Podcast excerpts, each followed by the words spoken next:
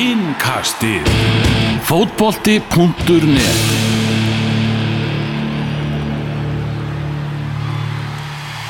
Sigur á lögutarsvöldi gegn eh, Bosníumönnum. Tóm, bara hversu nærandi var þetta fyrir sálin að fá svona einn sigur? Það flautumark?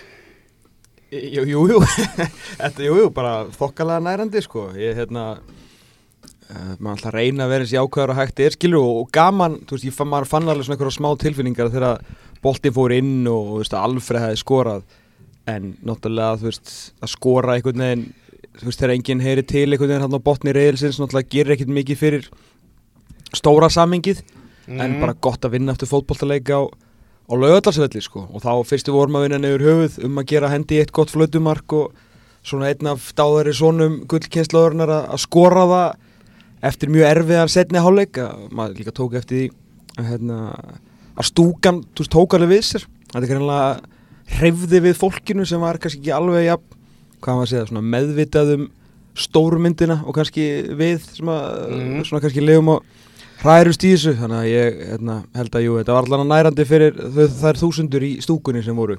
Og, og fínt að vinna en, en þú veist þetta er náttúrulega Sko það kveikti smá vonur hjá manni þessi pistill sem að byrstist á MBL í dag sko. Svona geti Ísland náðu öðru sætinu og þar þurfum við náttúrulega að byrja því að vinna gegn Bosníu sem við gerðum. Mm. uh, dæmið sem er setið upp Ísland í kvöld, Ísland myndi vinna Bosníu Portugal inn í Luxemburg og Slovaki inn í, í Liechtenstein. Sem gerðist. Sem gerðist allt sko. Uh, í oktoberklukkanum myndum við minn, vinna Luxemburg Portugal inn í Slovaki og Bosnia inn í Liechtenstein uh, myndum vinna Liechtenstein einnig, Mm. við vinnum Luxemburg og Liechtenstein á heimavelli. Já, Luxemburg inn í Slovaki og Portugal inn í Bosníu. Þar með væri staðan galopin fyrir tvær síðustu umferðinar þegar Ísland mæti Slovaki og Portugal útvöldum. Við erum Slovaki og Íslands er þið alltaf því hreitt úrslitalegur um annarsætið í riðlum. spáðu bara um unnina leikum í Luxemburg úti. Hva, þetta og getur þetta ekki spáð í að þið við áttum ekki séns en, en já, En, en þetta er ekki alveg eins fjarlægt og, og hvað eru við komin bara í dömmen dömm eða bara svo ég telum í þau séns? Maður má halda í vonum það sko. sko, svo það sé sagt enn og aftur, þá erum við í algjörum grínriðli. þetta er bara djókrið Já, Portugal er bara langbæsta liðið. Eins og allir í reyðlunum treyst á. Og hinliðin eru öll í bullinu. Og, og, og, og það segir sitt sko. Byrju, af hverju er Luxemburg ekki bara að tryggja sér þetta? er, sló, ekki á undan? Slovakía á undan Já, já, já, Slovakia líka já, okay. Já, já. En þetta er allan eitt hræri götu fyrir neðan Portugal Þetta er algjör, algjör hrærigröttur og þú veist eins og við vorum að mæta Bosni og allir Íslandingar voru svart svartsýnu fyrir hennar leik, hvað voru ekki 65% Já. lesenda fótbolta.net þetta spáku tapi þá var ég að skoða sko bosníska síðu þar sem þau voru að spyrja hvernig fer þetta í kvöld mm. á móti Íslandi, Já. þá voru allir bara við erum að fara að tapa þessu, við erum með Þarna, þa þar voru að bosníumenn voru allir að spá okkur sigri það er bara, þú veist, samt staðan og Bosnia er bara með umulagt lið. Já, meðan Þeir- þeir, voru að rétt merja líktens þeir unni líktist enn 2-1 Já, Já, ég, ég er full, ég held að við séum öll full meðvituð um Já. þessi lið. Já, sko, sérstaklega Bosnia náttúrulega getur ekki neitt. Með fína fótboltakalla Já, en, en, já en einhvern veginn það hefur alltaf verið viðlóðandi landslið að það eru allir á móti öllum og það er bara þannig í þessari þjóð eins og Eju Púrisevits uh, útskýrði Já, já, ég meina þú veist, þeir hafa í raun og veru ekki spilað, ég hef ekki séð sekundu frá þeim í öðrum fótboltaleikjum heldur en á móti íslenska liðinu, en með við úrslitin þar og fótboltamörkin sem þeir eru ekki að skora í hinnum leikjunum, ætlum ég bara að gefa mér það að þeir séu búin að vera alveg hræðilega liðlegir Já, já. Gegn okkur því að þeir hafa verið betri en við í heldina í svona 165 mínútur af 180 mm. en fengur samt bara þrjústig fyrir það.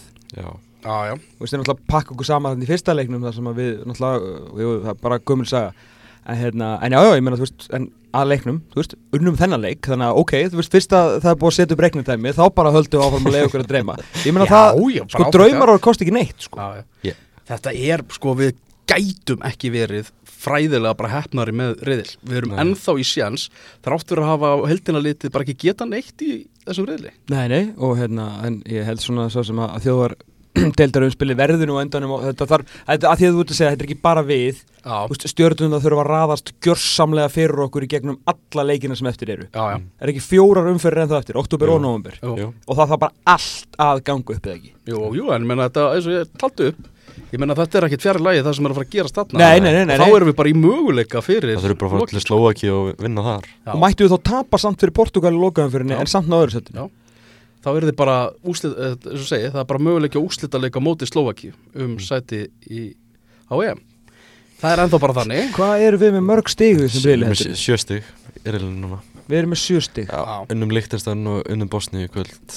Og svo gerðum við Bara staðan í riðlunum er bara nákvæmlega þannig að Portugal er með 18 stig Slovakia með 13, Luxemburg 10 Ísland 6, Bosnia Með 6 Já, við erum bara með sex. Við höfum bara unnið Já, já, Bosni og Lichtenstein okkur aukast í þannig og markatöluna. Já, og líktist þær með ekkert stig þannig að hann að, ok þú veist, allavega þú veist, að við höfum allavega svona tölfræðilega möguleika og höfum að einhverja keppa það allavega undirbýr okkur held ég betur fyrir umspilið ef að það verður erum að við séum að keppa alvöru leiki ekki bara að leikmann geta bara ah, ég finna þess til hérna, og við erum að fara að keppa tilgangslösa leiki sko. Já, það er nefnilega má alls ekki þetta náttúrulega gefur okkur kannski eitthvað allavega blóðdropa á tennurnar já. fyrir, fyrir þess næstu leiki sem er alltaf vel, við viljum alltaf hafa einhver að keppa. En uh, ég, hérna, náðu við náðum hérna síðustu gummi vann og allan blagamannfundin hjá OG og við náðum hérna síðustu þrem spurningunum með svo að það sem hann sagði, það sem ég, ég kannski tók helst út því fyrir utan að hann fá sér eitt bjössa á eftir sem að bara, og bara vel gert að hérna, hann sagði þú veist, we're building a team for March mhm. Mhm. hann kannski, ég held að þú þurfur að hitta hann hérna eftir og útskýra fyrir honum þessa króka leið að benda honum á mbl.is Var ekki Sindri Sverri búin að bóka það að við erum komnir ánga það? Í, í þjóðaldinu, í nei, nú er ég að tala um umspilið er Já. gefið sko og mennur er farið að tala um að við mætum Noregi þar Það er bara- rosalegt Já. Já, þú veist, þetta eru Bosni og Herzegovina, Noregur og eitthvað eitt annan lið Þú veist, við getum Já. alveg mætt Bosniumennum í þriðarsinn, sko Já. að hérna, að ég er að segja hann virðist meira að vera eins og hann sagði orðrétt, building a team for March Mhm. og það held ég sem að þessi leikur sem við vorum að horfa hérna í kvöld var svona eiginlega upphafið að nú fær hann eftir hörmungina gegn Luxemburg fær hann 5 sinni 90 mínútur til að búa eitthvað til fyrir þjóðadeildina í mars. Mhm. ef að Fjóra, allt, fjóra sem 90 Fjóru leikir eftir. Ég var einn kvöld sko. Já, Já, eftir hörmunginu í Luxemburg Já, já, já, já, já. þú veist, þá fekk hann 5 Já. leiki til þess að búa eitthvað til skileg sem er alveg freka mikið í landsleisfótbolta þannig og, hérna, og fær hérna sérst, hálf, eða svo tvo hálfa glugga og fimm leiki til að búa eitthvað til fyrir mars. Og þetta var allan á fínasta byrjun á því. Mhm. ef að, eins og ég segi, stjórnuna ræðast allar upp fyrir okkur og við endum með öðru settinu frábært, skiluru, frábært en ég held við þurfum alltaf að líta á þessa þennan leik pluss næstu fjóra sem undirbúning að búa til eitthvað lið og finna einhverja samheldni einhverja fyrstu átta allavega, vita hver er hvar skilur, finna miðverðina, Mm. finna allt og, hérna, og vera með eitthvað klart þegar, þegar við förum í þjóðadeildurinn spilið mars Já, ég hugsaði með með, sko, sá Íratnir voru að tala um það í gær og það var alveg ljóst að þeir varu úr leik í riðlunum sínum Mm. og var svona sett í það sem við voru að tala um þetta sérfræðingarnir og eitthvað kom einn og sagði bara, en ef við horfum á, á þetta raunsætt, við erum með Frakland og Holland í sko.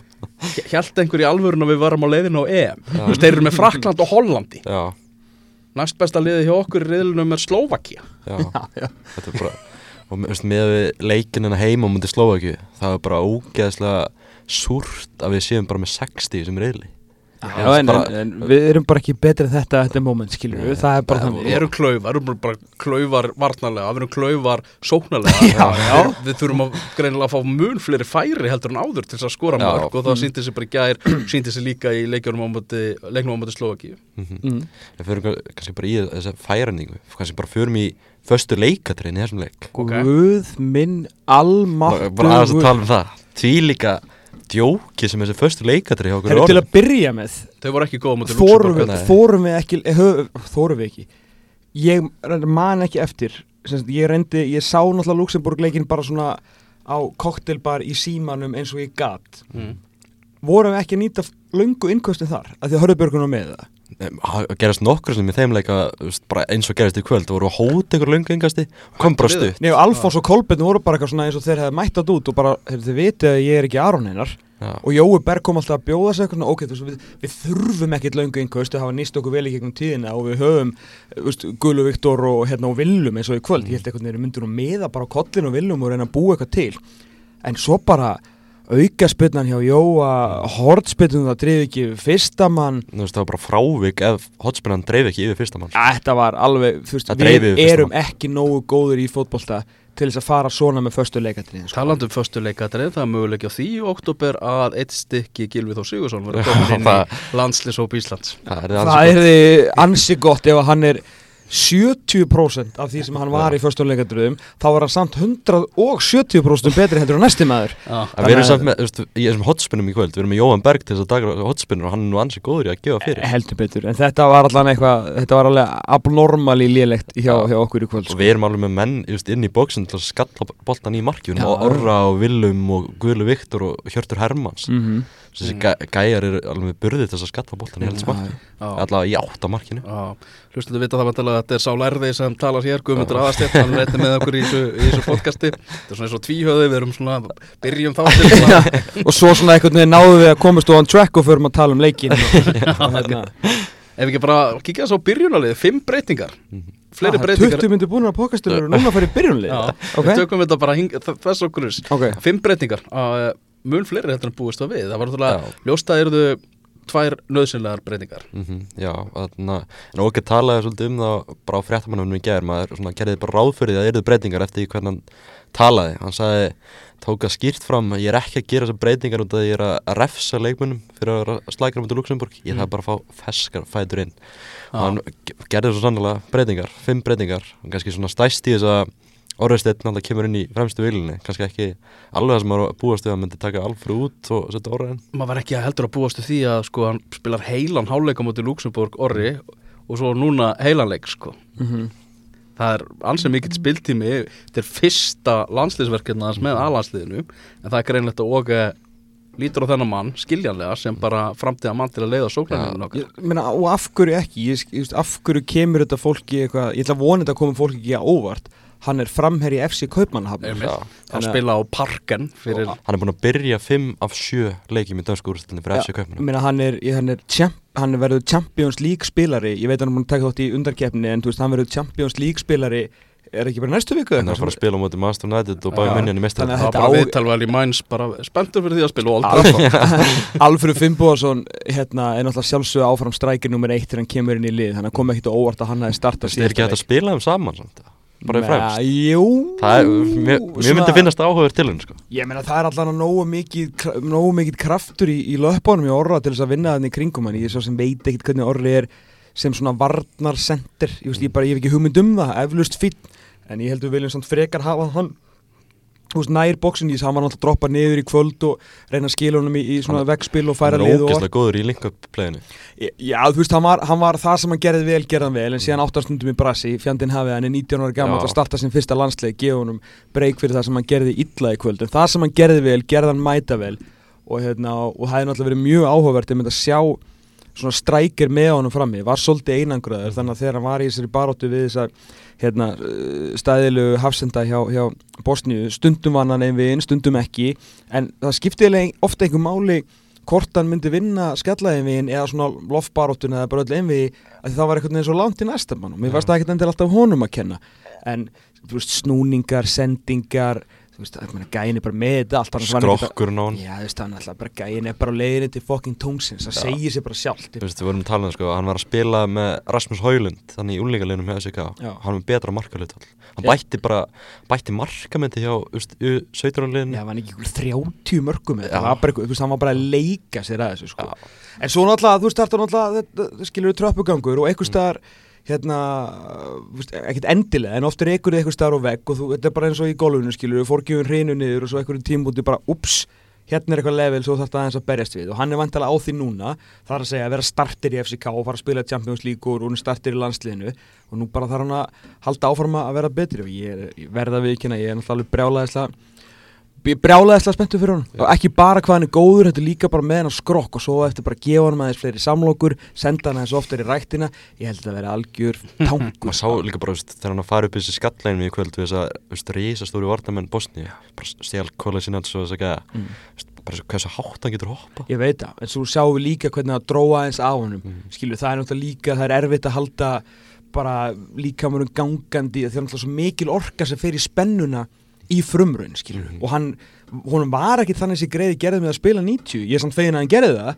En þú getur, getur rétt ímyndið mér hvað hann var orðin þreyttur örgulega án þess að vita af því því að svo var þetta líka kannski smá vonleysi svona síðustu 20 þegar skipti lengur máli hvað hann gerði það var aldrei nokkuð lifandi maður til að hjálpa honum til að taka boltan hvort sem hann vann honum eða tapa honum Það er kannski málið, við þurfum næst er hann spila, þurfum að koma hann kannski í eitt og eitt færi. Já þú veist, svo fekk hann alltaf ekki eitt færi. Nei, að ég, að ég spurði okkar hans út í hann á fréttamannhundum og hann talaði um að sko, hann hefur verið að leikja hann á parkin og Kasper Hjulmand, landstjólar í Danmarku, satt Mm. við hliðan á hann Já, og Hjulmand var bara að tala um að hann hefði bara alltaf séð leikmann sem var eins góður í það að klára færi og orri sko. já það er svo ok, takk fyrir það Já. bara koma honum í færi. Þurfum að koma hann í færi. Já, en og hafði séð, það var Kasper Dolberg. Já, Kasper Dolberg. Já, já, það var með hann á sínu tíma.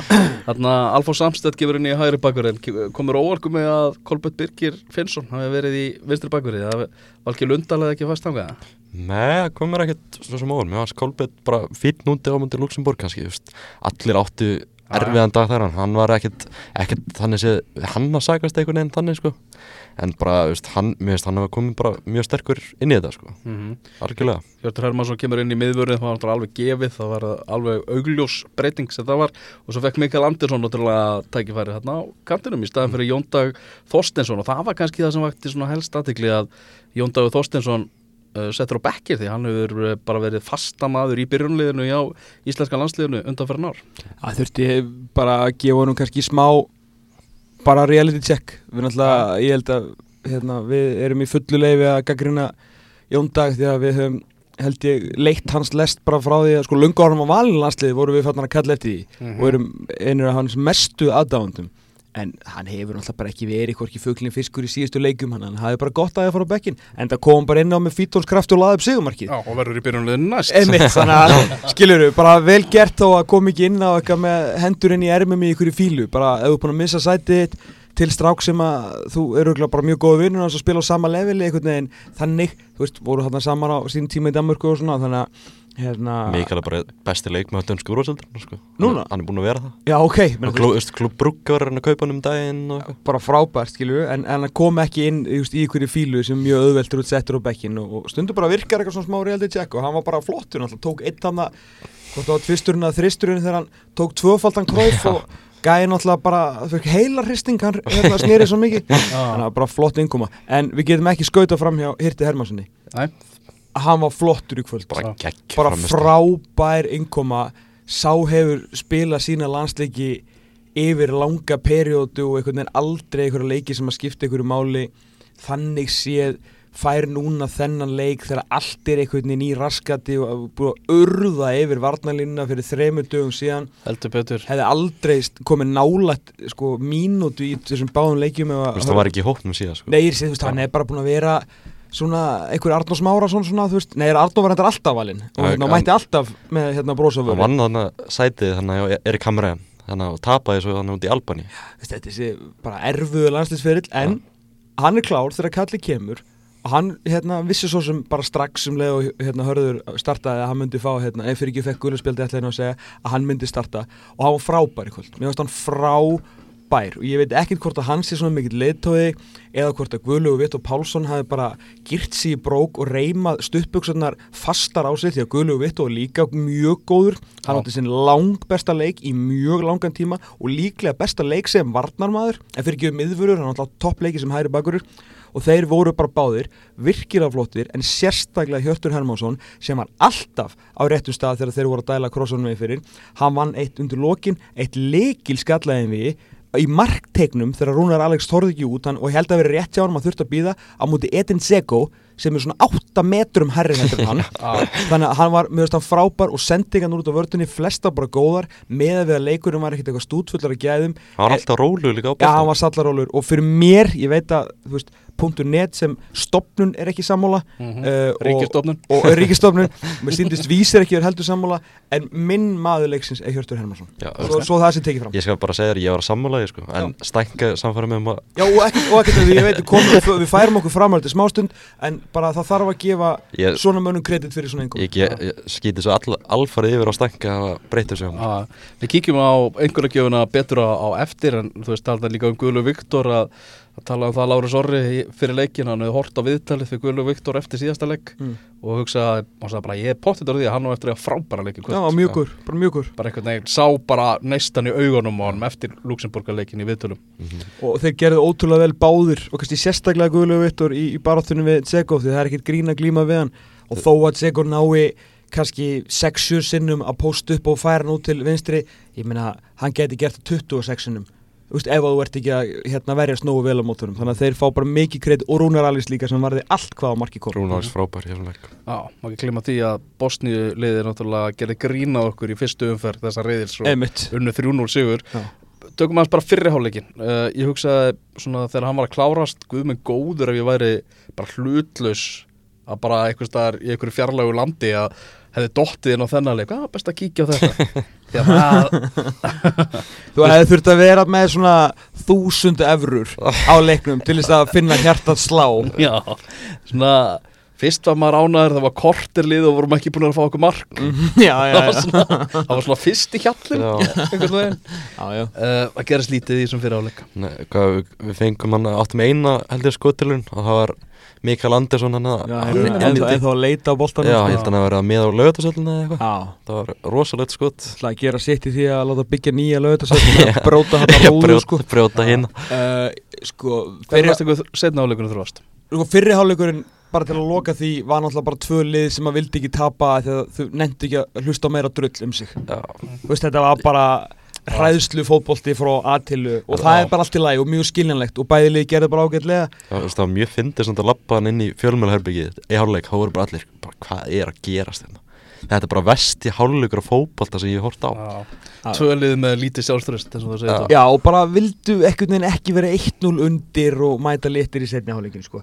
En setni hálfleikurinn var bras því að hálfleiksræða uh, ég veit ekki sem hvað þjálfar er að heitir var betri heldur nú og Mhm. því að við fyrsta korteri í setni voru við bara sko clinging on for life sko. ég var bara að býða eftir markinu og Bosnin alltaf fekk dauða færi undir lok fyrir hálfleiks, ég veit bara ekki hvernig þið skoruðu Já, ekki alveg þá. rétt hvað færi á það? Hann var inn í tegnum og átti eitthvað skot sem fór í varnamann og svo enda og nú þagnitinu og eitthvað Já, já, já, Aðleit bara rétt fyrir auðvitað Já. en það var samt líka bara okkar strákum til rós því að hérna Arnur Yngvi hendi náttúrulega hérna, set, mér síndist það nú bara að setja gamla góða lemin fyrir eitt skot þarna Mhm. uh, hvort það var hérna, Hjörtur sem að einmitt setti fótinn fyrir þetta skot Já. Guðlugu Viktor í hálfleik, jú heldur líka þú veist, menn voru bara að henda sér fyrir ekki þetta var leik. bara svolítið svona Kár og Raggi bara að skuttla sér fyrir boltandæmi Mhm. þannig að ég bara, ég fullt respekt á það sko. en fyrstu 15 ótrúlega erfiðar, náðum samt einhvern veginn að segla okkur í gegnuðar, kemur svona stuttur kapli þar sem að við erum allt í lagi, en svo erum við bara að býða og býða og býða og ég var ekkit sérstaklega ánægð með Þú veist, ég var ánægð með effortið í varnarleiknum og aftur bara til að koma inn og Rúnar og Hjört og, og Guðlu Viktorski sérstaklega. En og líka eftir að Pjanic kom hann og byrjaði að vakka inn á miðumvellinum og það áttu við eiginlega ekki sénist því að þeir kom bara boltanum alltaf á hann og hann bara stýrði þessu. Mhm. en það var bara drullu erfitt og það var alveg ljóst nánast allan setni hálfleikin ef við myndum skora væri það úr einhverju svona skyndi sókn eða einhverju svona töfrum eins og síðan urðu því að markið er fallegt og við bara lifðum svolítið lifðum á líginni og ekki því að eina færið sem að er er ekki eina færi svona sem við gátum eiginlega ekkert gert í að skallin framhjá Mm, annars bara verrúnar eða við kostum okkur fyrir svona einhvers Mhm. staðar þar sem við vorum með örlöginu okkar eigin höndum Mhm. en eina skipti sem að þeir bara einhvern veginn slepp, nei, Zeko líka, sorry aukarspillinu á Pjanic, annur snild þar hjá Pjanic. Mm. það eru svona færin þar sem að loksins fótboltaguðunir voru aðeins með okkur því auðvitað Zeko að skora úr þessar aukarspillinu frá Pjanic maður. Mhm. það var bara, það var bara lífsins lukka með okkur þar. En síðan bara voru við þetta á síðustu mínúndunum það voru það við sem vorum að banka. Þú veist, breytist ekki leiknum bara svolítið þegar við gerum 20 skiptinguna? Jú. og fáum Alfred og Jónda bara ferska inn. Heldur Já. betur. Bara geggju skipt geggjaða skiptingar og geggjum tímapunkti Mhm. Ísi æðum líka að það var við veitum aftur að orra skilur komið stress, það voru komin fastar sendingar á hann og hann er að einhvern veginn finn, hann finnur alveg orkunin á vellinum eins og allir aðeir en þá ertu komið 70 leikjamann Mm. aðturum hann í 17 ári í Alfred Fimboðsson sem bara tekur léttu boltanum og stýr honum út á kant og svo bara fram inn, veist, allt bara svona í flæði þetta er allt svo miklu auðveldara og það hjálpaði hann það líka orra Mhm. og það hjálpaði liðinu. Þannig að þá svona og þá var þetta svona smá skilur strandan á milli. Það var svolítið leikur síðustu 12-15 mínúnda Það var skemmtilegt að horfa á þetta. Já, það var langskemmtilegast í kapli leiksins. Og já, Jóndagur með frábæra innkomu og, og, og færi fæ, færin sem hann fekk og sérstaklega eitt þeirra að skoplar í boltanum yfir á marklínu. Já, ég var við þarna með naflanum og hann öskraði bara Jeremías á jólaskónum. Orður rétt öskraði. Jóndagur náttúrulega hans maður, hákáingur Þetta að sjá sko þegar, þarna, þegar þetta færi kemur hann setur boltan yfir. Samskiptan myndi Valti Björn, og Guðna Fósita þau voru geggjuð sko. Valtarinn og Guðni Fossetti Valtarinn voru og- þeir hlifið hliði í veipunu? Nei, nei, nei, þau voru ekki hlifið lið Valtir, Valtir, það var á meðal okkar fjölmjölamanna í stúkunni sem Já. gaman að hafa hann þar. Uh, en það er stutt á milli og Guðni, þarna, Valtir var náttúrulega alveg trilltur að boltin fór ekki inn. Og Guðni fórstuði spyr hann, eh, svona, hefðu þú skorað úr þessu? Og Valtarinn svaraði því auðvitað játandi og sagði hann hefði skorað með annarkvort höfðunni eða rassinum sko. Og það er kunni gaman að því já, Guðni fór að skella það það hrifin á þessu Guðurinn og Valtari, þeir eru alltaf léttir sko. Ég vil fá meira af þessu kombói sko. það er það alveg geggjað sko. Já, já þvílík stund bara, svo, eins og ég segi nærandi fyrir sálinna en, að þetta færi hjá Undi hann alltaf flöggur rángsta Já. þetta, ef, hann hefði skorað hafði þetta náttúrulega farið í var skoðun Já, og þá er þetta staðið hafði þetta verið mark sko.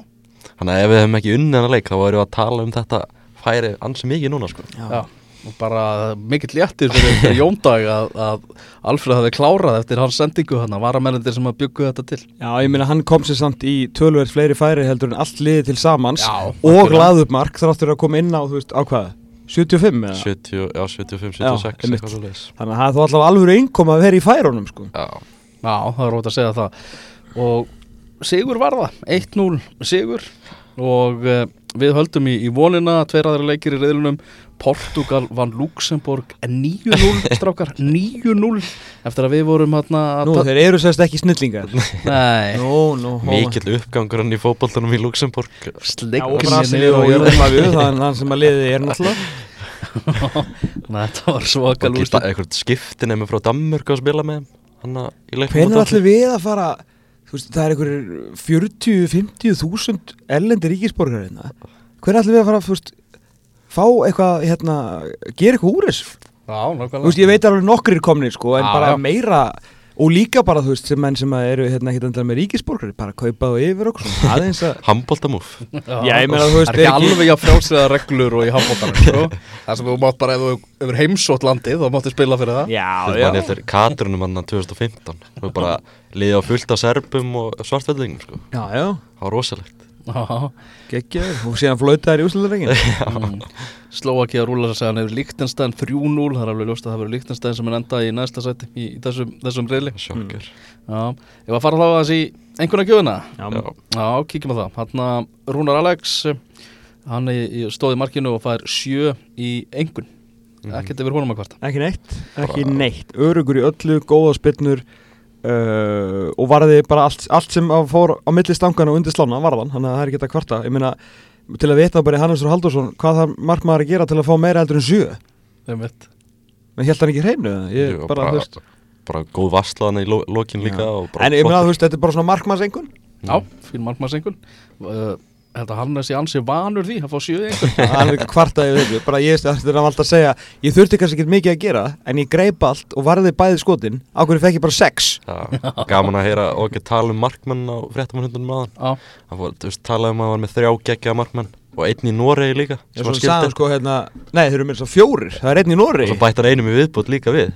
Hver er það? Lukas Pettersson. Já já já, já. bara hann, hann æði náttúrulega með þeim hann, í sumar, júni klugunum áður en samt verkefni byrjaði alvöru þá var hann að æfa með hann sagði bara að vera í geggjaður hann er bara skrýmsli ég hef ekkert á móti Rúnari og ég er mjög spenntur mér þess að bæði fyrir Elias og Patrik og hef verið það lengi nú hefur við besta markurinn í sænsku og allsvenskunni mm. En ég er samt bara, þú veist, líka út af svona bara ástminn og handbólta í gegnum tíðina Ég vil bara fá Lukas Pettersson í marki bara strax. Þú veist bara, það er bara miklu betri saga heldur en alltaf ég, er, þú veist, ég er að segja að þessi gæi verður styrlaður markmaður sko. Já, getur ekki hann að vera en alltaf með vangkaf bara, þú veist, á yfir öskubíl. Veistu hvað ég kalla hann í yngreðanslegunum Öskubílin nei, German, German Wings Já, við skulum samt passa okkur á því German Já. Wings er náttúrulega ekki lengur til að því að Gaurin flaug á hérna, fjall Já, shit Höllum að bara Eurovings, það er breytu nafninu það sko Eurowings, já. Það er 11. september, ég ætla bara að benda ykkur á það sko. Það er hérna Já, þess vegna er ég að segja, að, þú veist Þetta Erling Líka- Haaland var með eitthvað eitthva grín á Twitter sem fór mjög illa í fólk sko. Já, verður líka Nei. passa okkur á að kalla hann ekkit og mikið German eitthvað svo þeir stela hann mikið á okkur Og það, Já, höllum að bara Æslandi er. Æslandi er. Minnum á að klippa þennan bút út á eftir. Nei, nei, við, við vorum að ég var að fræða, skilur German Wings er ekki gott viðnefni. Við erum að slökka því strax. Closet. Bakverðinir Alfons og, og Kolbjörn Finnsson sexa. Merjast ágætlega en þeir voru afskaplega svona, eh, kannski fengur ekkert mikið tæki fyrir framóði en voru í brasi svona, með þessi leysa þetta vel og sex er bara sangan Já, miðverðinir Guðlu Vittur Pálsson 7, Hjörtur Hermansson Átta. 8 Já, Fekk hann átta? ég Já. hæk, hækkaði hann upp í Já, vel gert. Já, bara núna, Nei, bara áðan á hann að frétta með að vorum að taka þetta upp bara. Vel gert. Ég, veist, ég varð bara að hækka hann upp, hann var svo góður í þessum leik Já, sko. sammála. Já, bara tómnaði að fá þetta til að hækka hann upp. Vel gert. Já, stænk er enda eitthvað að loka á þetta. Ég, ég varð að hækka hann. Hvað gerði Hjörtur Stænke? Ég veit það ekki. Árbær Akureyri hérna, Eitthvað rífur hann á milli. Já. En þessi varnmælina, ég sá að eitthvað að setja á Twitter að Þetta er bara fylgis lína Það þannig sé ekki samstöðu breyðablíki Já, fyrir utan Þú veist með Gulla Viktor, Kolbein og Hjört. Já, ég var Það er með enda ótrúlega, það er rétt þér. Nó, það var árbæðingum. Mikael Andersson, Jóhann Berg og Willum Allir með, með 6 Þú veist Bara þvílíku skrokkur Við þurfum að Af hverju var hann ekki í leiknum síðast? Banni. Það útskýri margt. Aukt á móti Portugal. Það er rétt, já. Aftur vil ég benda að ég var á koktelbar eh, Hann er bara orðin startir í þessu lið Þú getur ekki tekið hann út. Og bara enn og aftur, bara hvernig Bara anskotanum Bara hvernig er bú- búið að býða svona lengi eftir hann í þessu lið er- hann er búin að spila í hollensku úrvastöldinni í tvö ári Já, já En ég meina að þú veist, við fögnum við þessi komin allavega. Og hann er orðin startir Já, það er solis Arnar Ingur Þraustason 7 í engun. Já, hann er bara flottur, hann er örugur á boltanum Og ég skil alveg, hann er hann náttúrulega að breymar að sjálfströsti Mhm. Og hérna, ég sá klippur um daginn. Þeir lentu undir einhvern stórleikum daginn En unnu, hann var tekin í viðtal og allir græðir. Og hérna, það voru svona voru þeir að greina hann. Sá svona klipp á Twitter. Og hann er alveg bara Sá er að spila sin, bara, sin besta fótbolta Síðan hann bara var, vann titlið með nörsböku sin tíma sko. Mm. Hann er alveg búin að gegja þér. Ég raðar inn mörgum í síðan Og það sko, hann er líka mikið að skjóta í leikmennu inn Það er svona lampat í hann Mjög snuðut, erfitt fyrir markmennina. Við veist bara, veist, hvernig hann hefur komið inn í liði bara á undanfennum mánum, munum eftir Portugalsleiknum hann var bara stórkostlegur. Það er ekki fyndið að við spilum sem ekki með sexu í kvöld Það er enginn að kvarti við núna Nei, það- þetta var svona betra kvöld fyrir Arnur Ingva heldur en kvöldið í Senica í, í, í Bosníu. En það voru líka þrýr á miðunni Já. Og þar inni var líka ljósæru drengur á Akranesi. Hákon Arnar Sem Haraldsson að spilaði eiginlega allar stöðunar Já, Hann var út um allt. Já, eins og einhver sagði bara hann er bara tilbúin að taka við líklunum það er eiginlega þannig. Það er bara komið tíma það djöðl er að góðu maður. Og sáum líka bara hann í hann leggur upp, hann sáðu senduguna sem hann átt á Mikael hann já.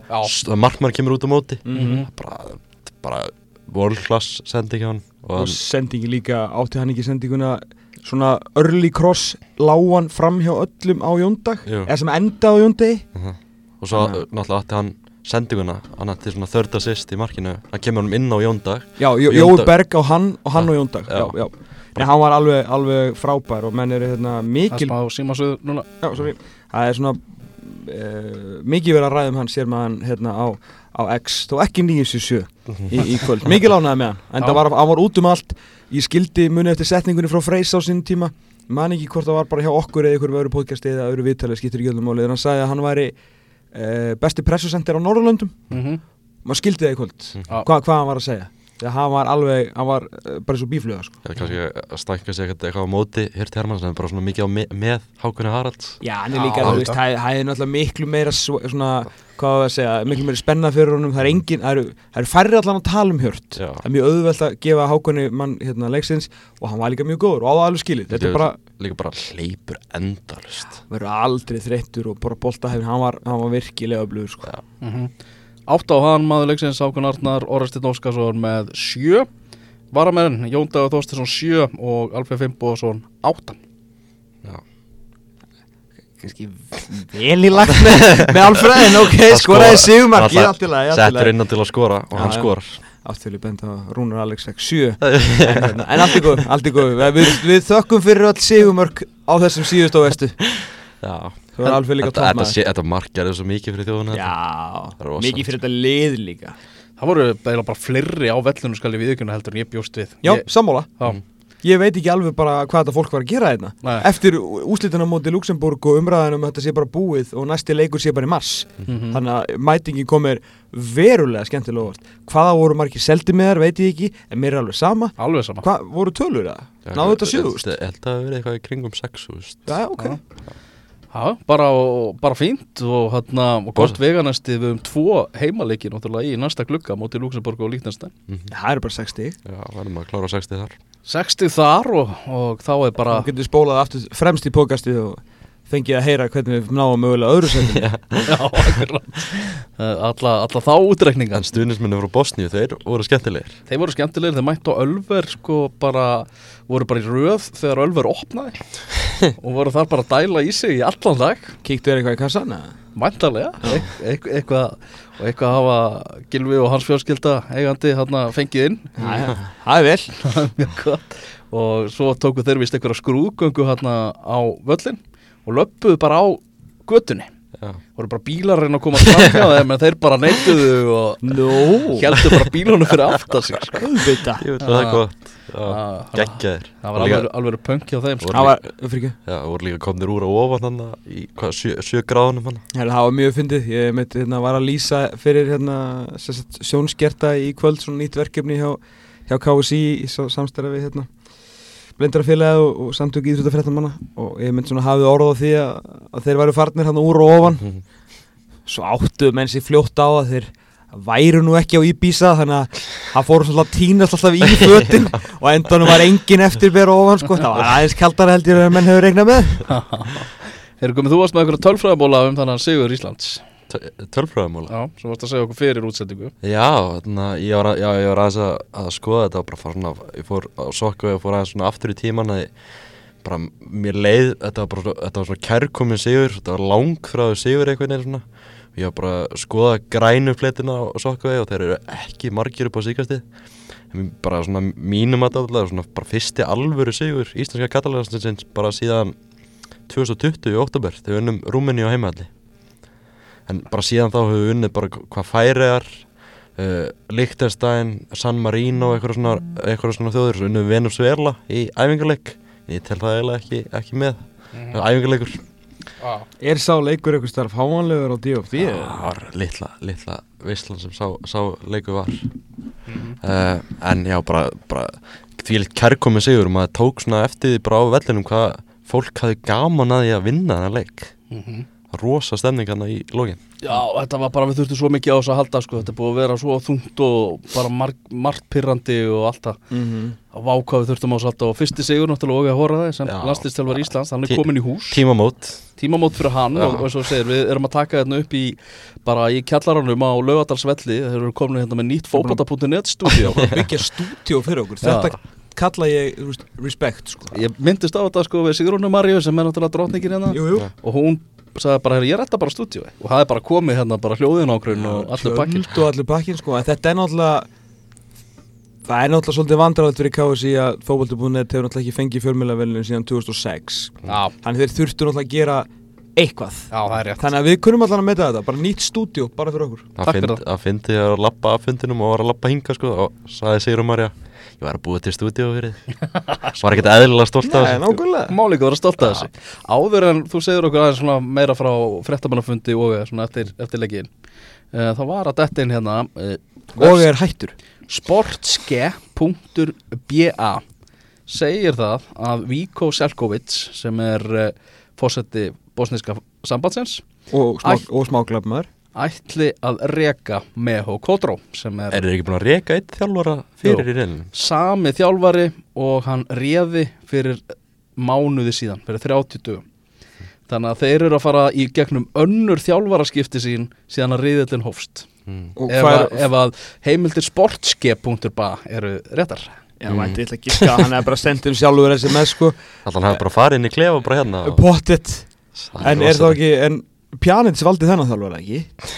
Var það ekki Það er ekki tjekku að velja næst? Já, ætla það ekki. Það ég held að Dzeko hafi valið þennan sem var undan sko. Já, Ég held að Pjanic segi þennan. Já, hver fær að velja næst? Þægilegt að vera spilandi landsleisnefnda fórmaður Já, Það er nýtt. Þeir eru rosalega hann í Bosníu. Já, þeir eru að fara og það er bara tíð þjálfara skipti náttúrulega hjá Bosníu. Alltaf og það er alltaf uh, einhver sundrungur og óna í Mm. hérna hann Anel vinnur okkar hérna, heitir hann hjá Sheffield United. Mm. hann var tilkynntu meittur og var ekki með í þessu verkefni. Svo fóru fjölmjölega að segja það að ástæðan væri bara svo að hann væri komin eitthvað í kerkjur við fótballtasambandið og Jesus. það er alltaf einhver dramatik í gangi, gangi með þetta. Já, Sem bara fínt, skila okkur allan á séri algjörlega. Eru komið þú varst á fréttamannafundi hérna við hliðin á sem að Óvi Hóraði var að, var að svara spurningum aðalega frá þér. Áttu þú ekki bara alla spurningar eða? allar nema hvað, eina eða tvær. Ég held að. Gunnar Egil, Geitin hafi tekið tvær. Aha, Ekkert nýtt þar. Nei, hann er, hann er, hann, já, bara og ekki, þú veist, einhvern veginn bara allir fréttamannafundir sem að fer með á, þú veist, þegar hann mætir er bara, þetta eru geggjaðir, geggjaðir fundir, þetta er svona allt öðru svona, en það var, svona léttara andrúsloft yfir, yfir öllu. En tíma voru svona hann og Ómar Smárasson bara eitthvað svona byrjar að þeir- sín á milli Þeir voru bara í bandir sín á milli, þetta var mjög skemmtilegt. Það- Já, Já, hann er náttúrulega með íslensku blagamannastéttin algjörlega í vasan og það, er svo sem og allt í góðu bara eins og gamall þjálfari eins var og, hérna. eins og Lalli var með okkur alla bara í vasanum sko. En það er líka auðveldur að halda mönnum í vasanum ef þú vinnur fótboltaleiki. Hann var alltaf að tala um það, sko. Já. Hann var að segja, hann ekki við að þú þið langa ekkert að skrifa hvað allir vera liðir já, það er, það er svolítið mikið eh, til í því að manni, manni langar auðvitað að íslenska landslinu gangi vel, gangi sem, gangi sem allra best. Og hann talaði svolítið um það að það væri þannig. Og hann talaði svolítið um það hvað hann fyndi mikið fyrir svona hvað þjóðin elska þetta lið þegar það gengur vel. Já, já. Og alltaf þegar það gengur illa þá er það ekki alveg eins, alveg eins mikið sko en bara, bara eh, kvöld bara frábær frábær sigur. Og eins og við tölum á hann svolítið svona gott upp af einhvern veginn á einhverju góðu. Og hann, veist, það sem ég er tók svona líka eftir í að fundum hann talaði svolítið um þessa ungu leikmenn, þú veist, Orra, Hákon. Og svo nefndi hann að næstu maður inn var í Kristján Hlinsson sem er að byrja að hann læk, sagði það bara, mér finnst það mjög hávert byrja að leikja á Ajax í hólanskúrstölinni og maður þannig að seg, segir þessu nöfn maður verður einhvern veginn bara spenntur fyrir framtíðinni. Mm. Veist, þessi gæði er að fara að bera þetta uppi sko. og Ísak líka. En svo fær maður því miður að hugsa um svona mögulega varnalín okkar og, og þá er ekki alveg jafn svona augljósir og, og, spelandi kostir því miður. En uh, tökum það kannski einhvern tíma setna Já, og svo ta- það þarna tö- þarna nefndir aðeins með Ómar og ágjáðan, það var náttúrulega komið þarna upp þegar hann sagði hann hefði verið á pöpnum fyrir leikin Já. og Ómar sagði að hann hefði ekki verið á pöpnum til þess að drekka Þa, þannig að hann ætlaði að fá sér eitt bjóra eftir leikin sagði hann. Já, já, hann fór á pöppin til að tilkynna byrjunarlið Já, fyrir, fyrir að- tólfuna. var að funda með stundismunum það eru tólfan sem að virtist bera nafn með rentu í kvöld? Já. það voru bara tólf. Já, frikki myndatökum að kalla það þristin Já, það þarf að vera, ég ætla svo ekki að fara að gaggrina tólfuna Nei, hér það þegar er að svo verið gegnum súrt og sætt en svona, það væri nú alveg gaman að sjá aðeins fleiri. Já, Já, Já, það var alltaf handbólt í kvöld og svona líka já. Vonandi bara bætist úr því að í oktobermánuði þegar við eigum þess að tvo heimaleiki Já, sko. þetta var mjög respektfull mæting með það að við vorum að tapa 3-1 fyrir Luxemburg og erum, þú veist, án stiga nefnum mótið líknist Það er ekki sniðut fyrst við eigum svona tvo heimaleiki að KSI fara að bjóða upp á eitthvað, þú veist, tvennu tilbúð á, á miðum? Bara, Jú, þeir náttúrulega voru með þessa rægi ódýri mótsmiða Já. sem hann vel gert en algjörlega, þú veist, ef það er eitthvað meir, ekki spurning, henda í góða tvennu bara á skíðu og ingenting að reyna að fylla á öllum til þess að, að því að ef við vinnum ekki þessa tvoleiki, þá er það náttúrulega endanlega búið, sko. Já, já. Þannig að, jú, það væri, það væri gaman að sjá það. það var gaman, að- gaman að sjá í háluleik í dag voru allir að mæta út í setna áleikin með stjórnupopp og, og kók sko. það var að vinsast að tilbúið í sjókunni já, já, það breytist ekkert með, hverju voru í vippinu, Gumi? Þú varst alltaf við, við vippið Já, Bjarni Ben og, og Big Willum og, og náttúrulega Guðni Fósiti og, og fleiri sko, Klara Bjartmaðs og alveg lið. Já, Í vippinu þarna við hliðin á mér, sérst ekki vipp, nei, þú varst alltaf, þú tala um heiðustúkuna. Já, heiðist þú Já, síðan í VIP-sætunum sko, þar voru uh, Óli Garðars, sá ég, uh, Lulli á Vitaferðum, Mm. pabbi Antons Loga, en Verdiferðum, fyrir ekki, Mm. uh, hverju voru fleiri aðna, Eiríkur Stefán og Garðar Örn, uh, svona, ég var að reyna, Stóri Já. byssuna Siggi Helga, Vá, Sýndist ég sá Sigga Helga. Hann er, var pottet að vera. Ég lofaði því. Hann fer á alla fótballaleiki á Já, Íslandi. Hún er alveg sama þótt að það sé bara sko, sjöttiflokkur eða, eða allanslið kannski eitt viðbúta fréttamöfundinum hann að segja að muna núna og ég spurði hans okkur út í, út í var hann bara held svona þryggja myndna ræðum hvað hann hataði var mikið. Hann bara ennþá pyrraður eftir Það má Portugalsleikin ekki vera svona gamall sko. Það er náttúrulega frábært. Bara notaði rétt. En bara En fyrir ekki, kunna á það. þessi byð samt eftir að fá að vita hvort markið fengi að standa eða ekki hún var óþólandi En Paldi hann hefði verið rángstæður Hvað bosniðumenn hefði verið ánæði með þetta já, Mér finnst þessi byggð svona eftir að higgja skemmtileg fyrst að hann tók ekki markið af sko. já það, þá var ég bara yes, Já. elska þessa byð sko bjóð til svona auka spennu eitthvað Mm. það var svo fyndi Það líka var að sjá gaman að lýsa þessu sko að fyndi að sjá okkaðan á hliðalinn þegar hann kemur með skilti og það stendur tveir á því hann er upp á tíma Mm. ah. hann var brjálæður og svo og það Sko ég var líka með sjómarpið þarna við hliðin á mér í bóksunni hjá mér og þar var löngu komið áður en að tilkynnt Sá ákvörðuna það? Check over. Ég var að og horfa á ég var bara, ok, það er búið að skoða þetta. Taktu þá, segðu okkur hvað er að búið að ákveða. Þetta var alveg Heyrðu, skrítið moment Það liðu alveg bara svona 15 sekundur frá því að kom Jack over þar til að Belgin á flautunni sagði eitthvað. Hann var ennþá, þú veist, stúka með að byrja að fagnuna og hann var ennþá eitthvað með hendina á lofti sko. ég var bara, hvað er að gerast? En fekk dómarinn treyjuna frá Tseko eftir leika Það var svona eins og hann var að reyna það sko. Hann mátti náttúrulega ekki detta Það bara Það var ekki lélugur sleik Hann átti bara mjög fína leik sko. Það var svona Tseko fekk allan þann virðingu. afslátt sem að til var það pælið í því, þú veist, þetta var bara að spila á lögatarsvöldinu á mót okkur strækar sem að var að byrja úslitaleg meistaradeildarinnar síðasta úslitaleg, sko. Já, reyndar að því internationali er mjög áhugavert fótbolltalið En, hann var flottur. Það var svali stóða millir hans og Romelu Lukaku. Já, en fyrst erum að tala um hann að við alltaf í vipstúkunni og allt hann þegar ég lappaði niður og sá ég nú hann Gunnar Bergson, hann var hann Ég sá hann, já, sá hann líka. Fyr, fyrrum formaður og það er náttúrulega sögur núna sem er að, að ég gangi um að það að Vanda Sigurkistóttir muni jafnvel ekki bjóða sig fram áfram á næsta ástingi sem að verður í, í februar og fjóru því þrýrpunktur saði nú bara samband og sendi fyrirspurn á hana og hún bara sagði að það var ekki tímabært að svara því það væri langt í þetta og eitthvað. Þannig að hún hvorki játaði nýja neitaði sem að gefur vísbendingar um það að hún liggur allavega undir feldi og mögulega bjóði sig ekki fram áfram sem formaður.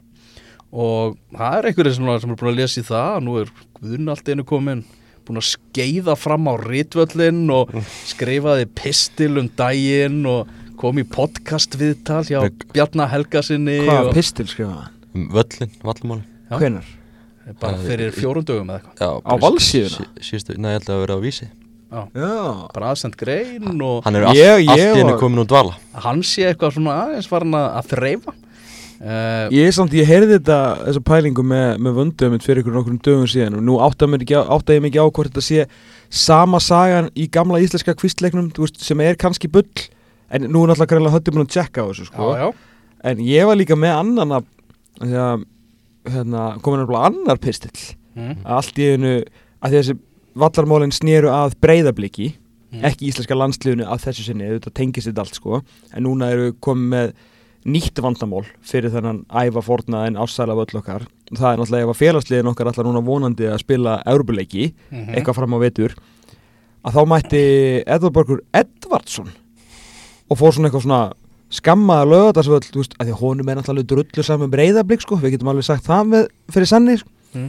en svona, hann svona líka þess að skeið út á reyðvöllin og Hm. já, en hann var myndist líka á Guðnar Bergson oftar en einu tískanum sínum sko.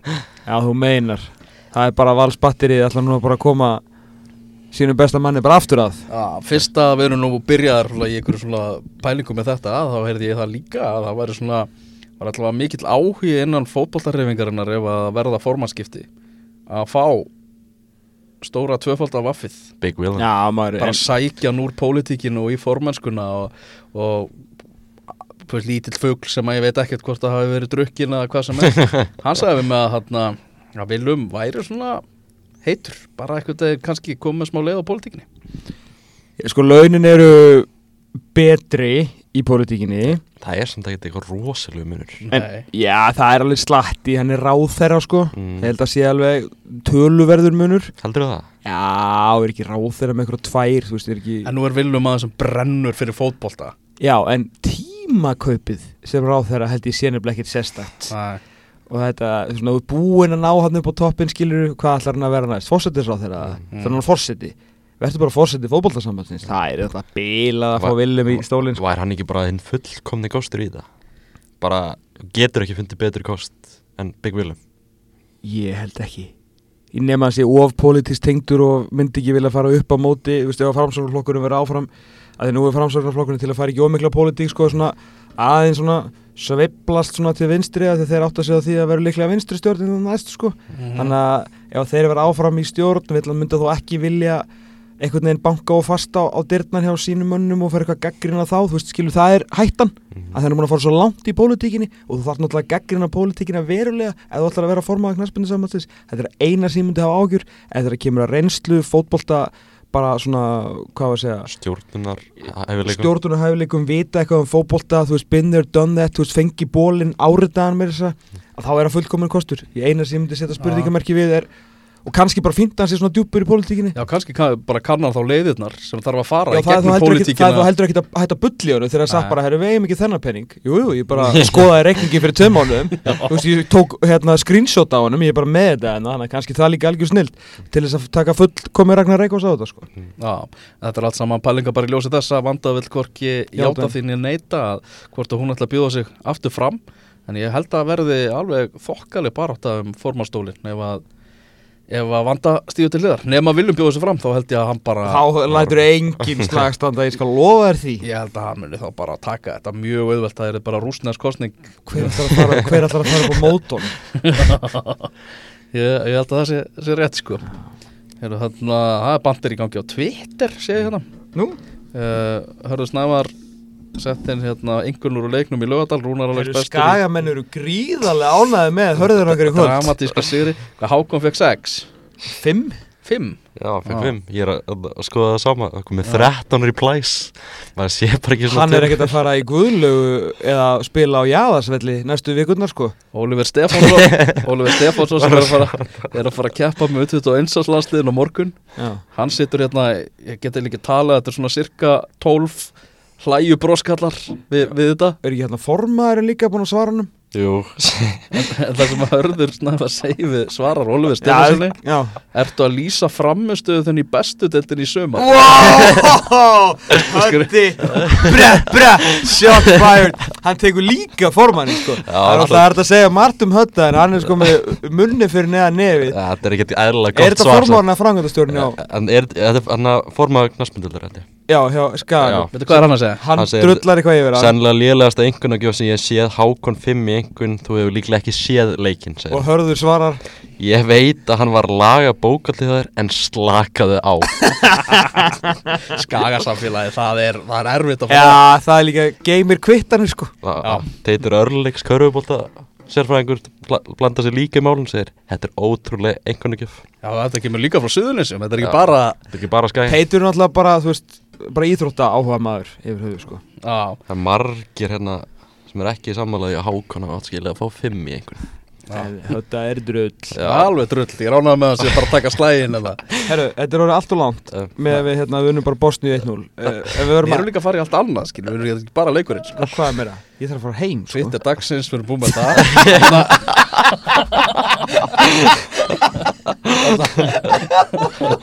Eru þið 21 áslagslið? Hvað? Er Já. Ég held að við ætlum að fara næst í powerslun Já, við erum aðeins að krifja það.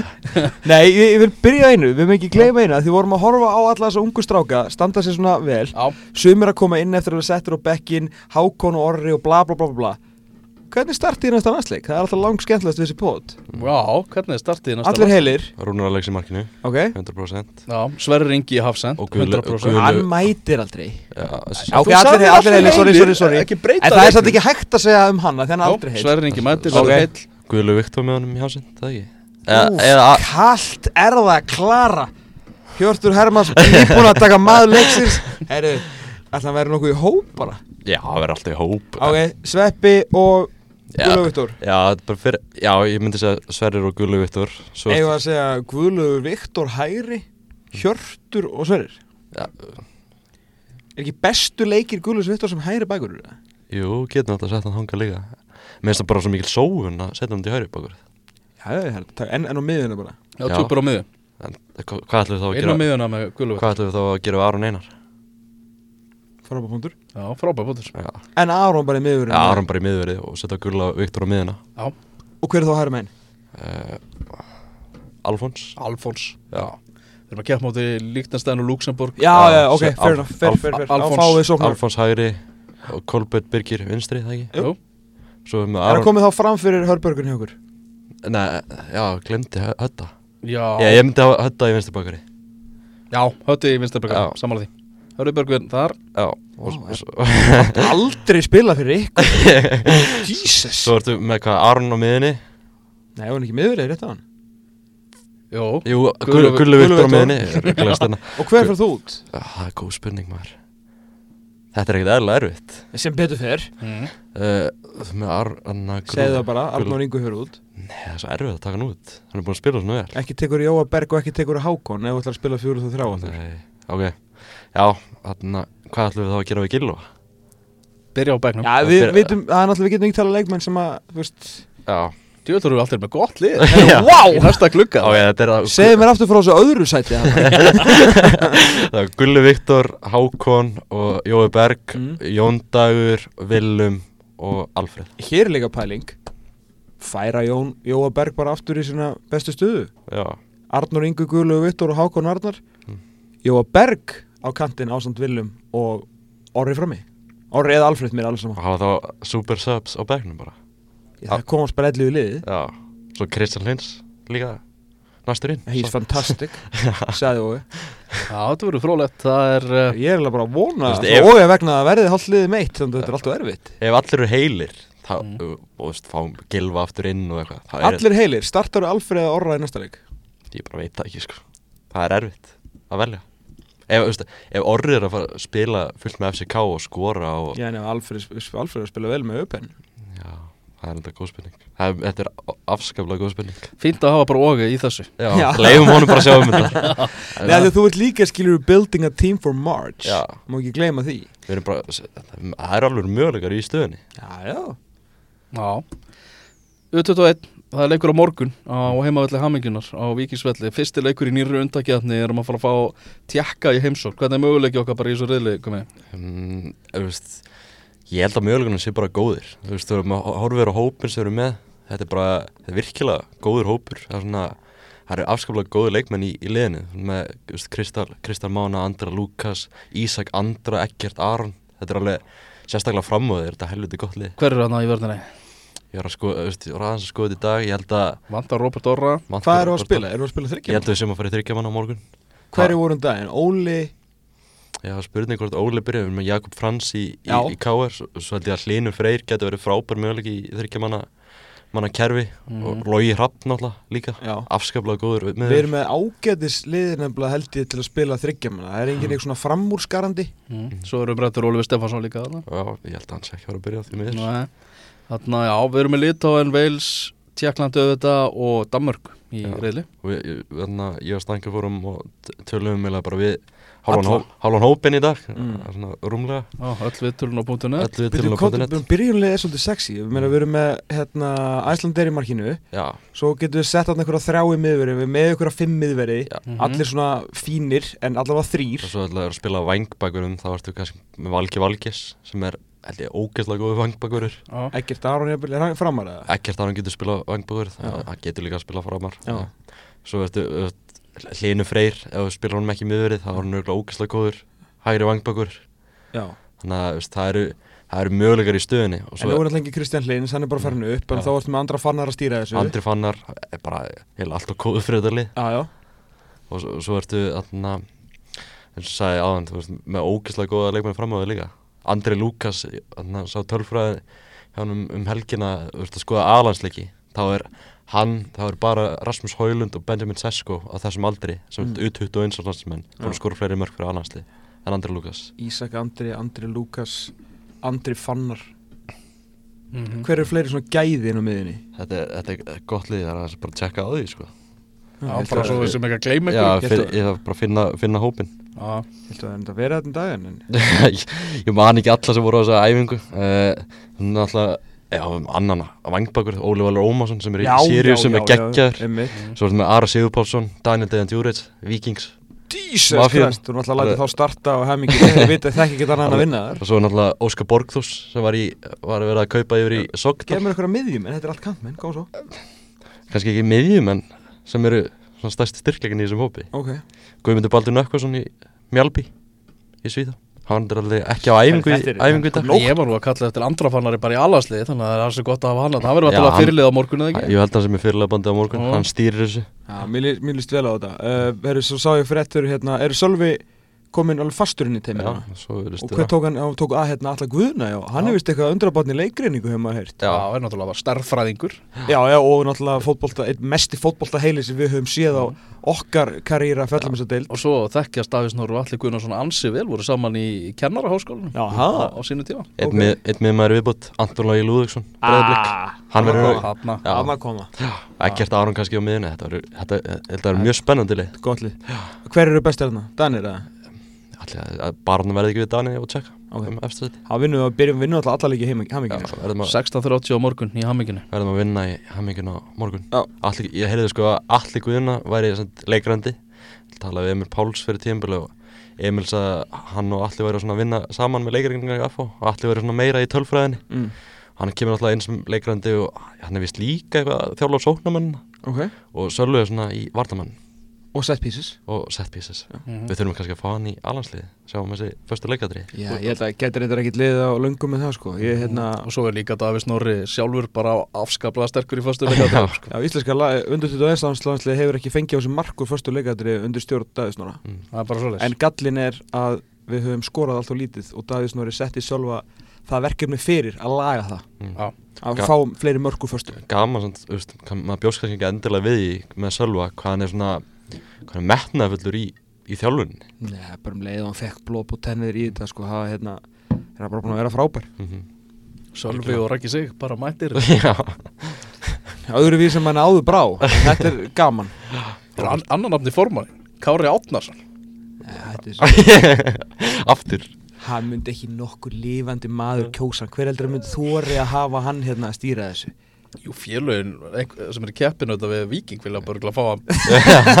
Fá hann af Burtu. Þá þurftur að fara að díla við hann hér skilur Fá Það hann af er alltaf, að vera yfir maður knassbytumála og þeir svöru nú bara ekki símanum. Það það vill enginn fá hann inn í húsi að því hann talar alltaf hreint út sko. Mm. Já. Menn vilja hafa svona En það er dass náttúrulega ekki starfsfólki hérna sem kýsi þetta. Það eru félögin sem kýsi Já, ég veist, þetta er þetta ekki bara sama skilur Já. Það er dettin við til á fulla.net núna. Komin fyrir svona Orra Steinina hann, Orra Stein, típuntur hann átti ekki sjens í kjellin Já, Það er skemmtileg karti líka, Já. mjög skemmtilegur. Æja, þetta er tóleikur Já, heldur betur.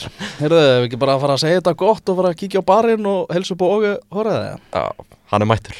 Ég Já, ætla að fara á Ölver bara Það er ekki að fá sér eitt á baksvis það er bara þannig. ég er ánægð með þetta. Já. Herru, og við hafum við kveðjum auðvitað úr nýjum, nýju stúdíói sem Knarsbyrni Samad Íslands hefur byggt fyrir Einmitt og stúdíó, þau eru er ekki að fylgja mynd bara hérna. Mm. úr þessu.